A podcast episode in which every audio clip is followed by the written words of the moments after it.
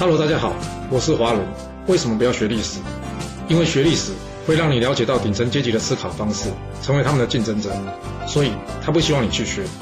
还有学历史会让你看到许多前人成功及失败的案例，你的竞争对手想要好好的睡个觉，所以他也不希望你去学。最重要的是，学历史会让你了解人性，你的老板以及同事都希望你保持天真的心，所以他们更不希望你去学。就是因为这些原因，接下来我要跟你说的是故事，而不是历史。今天的主题是：不过是搬个家，怎么就能搬掉了自己的尊严？让我们来说一个故事吧。大家有听过“周平王东迁，周王室开始衰落”这句话吗？其实这个故事呢，要从周平王的老爸周幽王开始说起了。这周幽王呢，宠幸美人褒姒。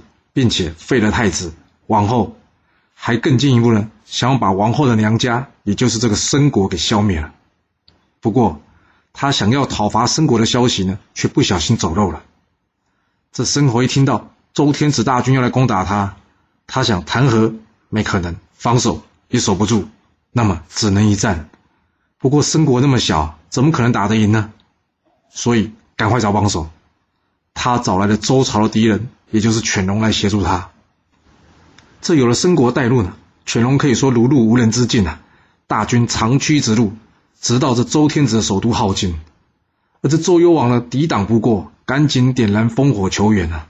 最后，也就是大家所熟知的，因为这周幽王之前烽火戏诸侯，做了这个东方版的放羊的孩子，所以呢，当他再次举烽火时，没有诸侯愿意来救他，他只好人生下台一鞠躬啦。接着呢，犬戎占据镐京，不肯离开。最后，在其他诸侯的帮助下呢，才将这犬戎给赶走，而改由他的儿子周平王继位。这周平王一上任呢，就马上奖赏协助他登上王位以及退敌有功的诸侯。他奖赏的第一个人，就是他的舅舅申侯。奖赏完了之后呢，他看看这宫殿呢，哎呀，已经被犬戎给烧掉大半了。加上他害怕这犬戎再次来犯了。所以他提出了一个想法，就是将首都呢搬到这个东都洛邑。这当中有大臣叫做魏武公呢，建议周平王不要这么做。至于他说了哪些理由呢？有机会我们再告诉各位。不过这个周平王呢，他心里很担心害怕，他就是很害怕这犬戎，所以呢，最后他决定呢，还是要迁都到这个洛邑。另外呢，他还要求这个魏国跟郑国的国君留下来辅政。最后，他告诉秦国，首都镐京以西呢，目前被犬戎占领的这广大领土呢，若是秦国可以将这犬戎赶走，这些领土呢，他都赏赐给这秦国，就算当做这次秦国秦王有功的奖励。你要知道啊，面子是人给的，脸呢，通常是自己丢的。你不连续犯错，大家也不会看破手脚啊。这周平王一开始就奖赏他舅舅申侯，其实这就是个错误。为什么？因为当初就是申侯引犬戎入关，不是吗？那犬戎入关之后杀了他爸爸周幽王，他不但没有惩罚他，反而奖励他，那这不是等于鼓励大家来篡位吗？他至少应该先假装处罚他一下嘛，之后再找机会奖励他不就好了吗？赏罚不公是他对下管理的第一个失策，而这个举动呢，同时还会让人猜测：诶，这周王室是不是实力不足啊？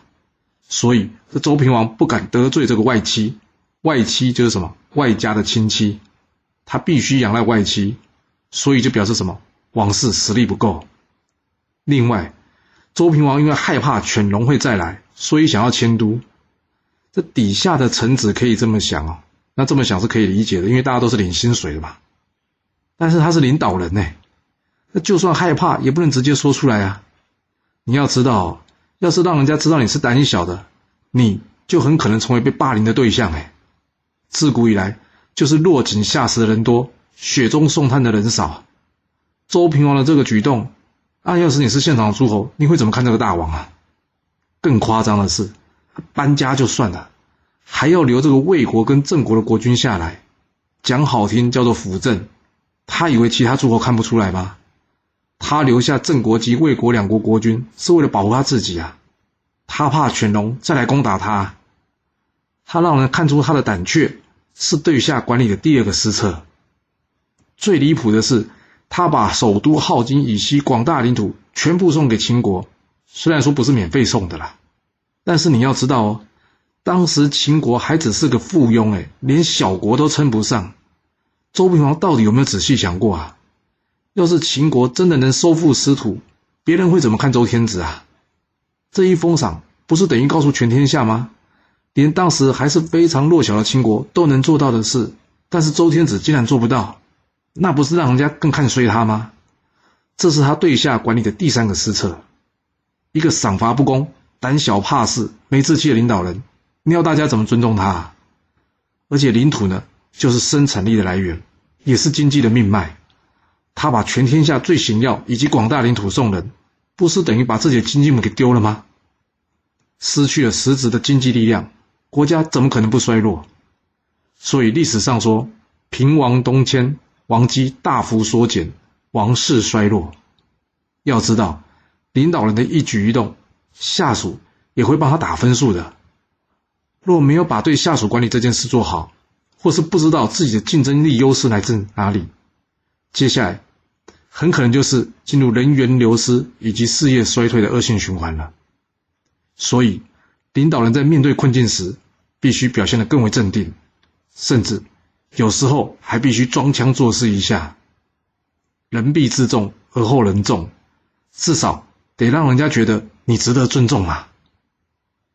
你别以为你只是个打工就跟这件事无关啊！想一想，你的优势是什么？你老板为什么一定要用你？